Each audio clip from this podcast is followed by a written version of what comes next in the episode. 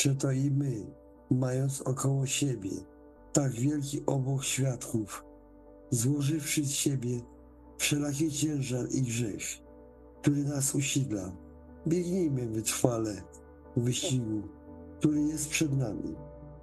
Patrząc na Jezusa, sprawcę i dokończyciela wiary, który zamiast doznać należytej mu radości, wycierpiał krzyż, nie bacząc na jego hańbę i usiadł na prawicy tronu Bożego.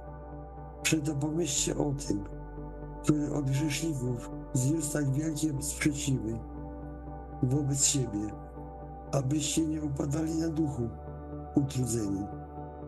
Wy nie opieraliście się jeszcze aż do krwi w walce przeciw grzechowi.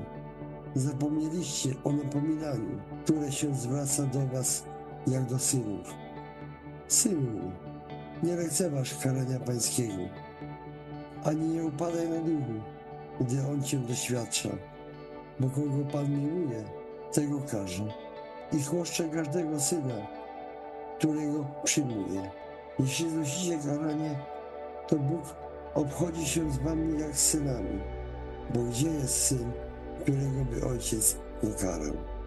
Dążcie do pokoju ze wszystkimi i do uświęcenia, bez którego nikt nie ujrzy Pana, bacząc, żeby nikt nie pozostał z dala od łaski Bożej, żeby jakiś gorzki korzeń rosnący w górę nie wyrządził szkody i żeby przez nie nie pokalało się wielu.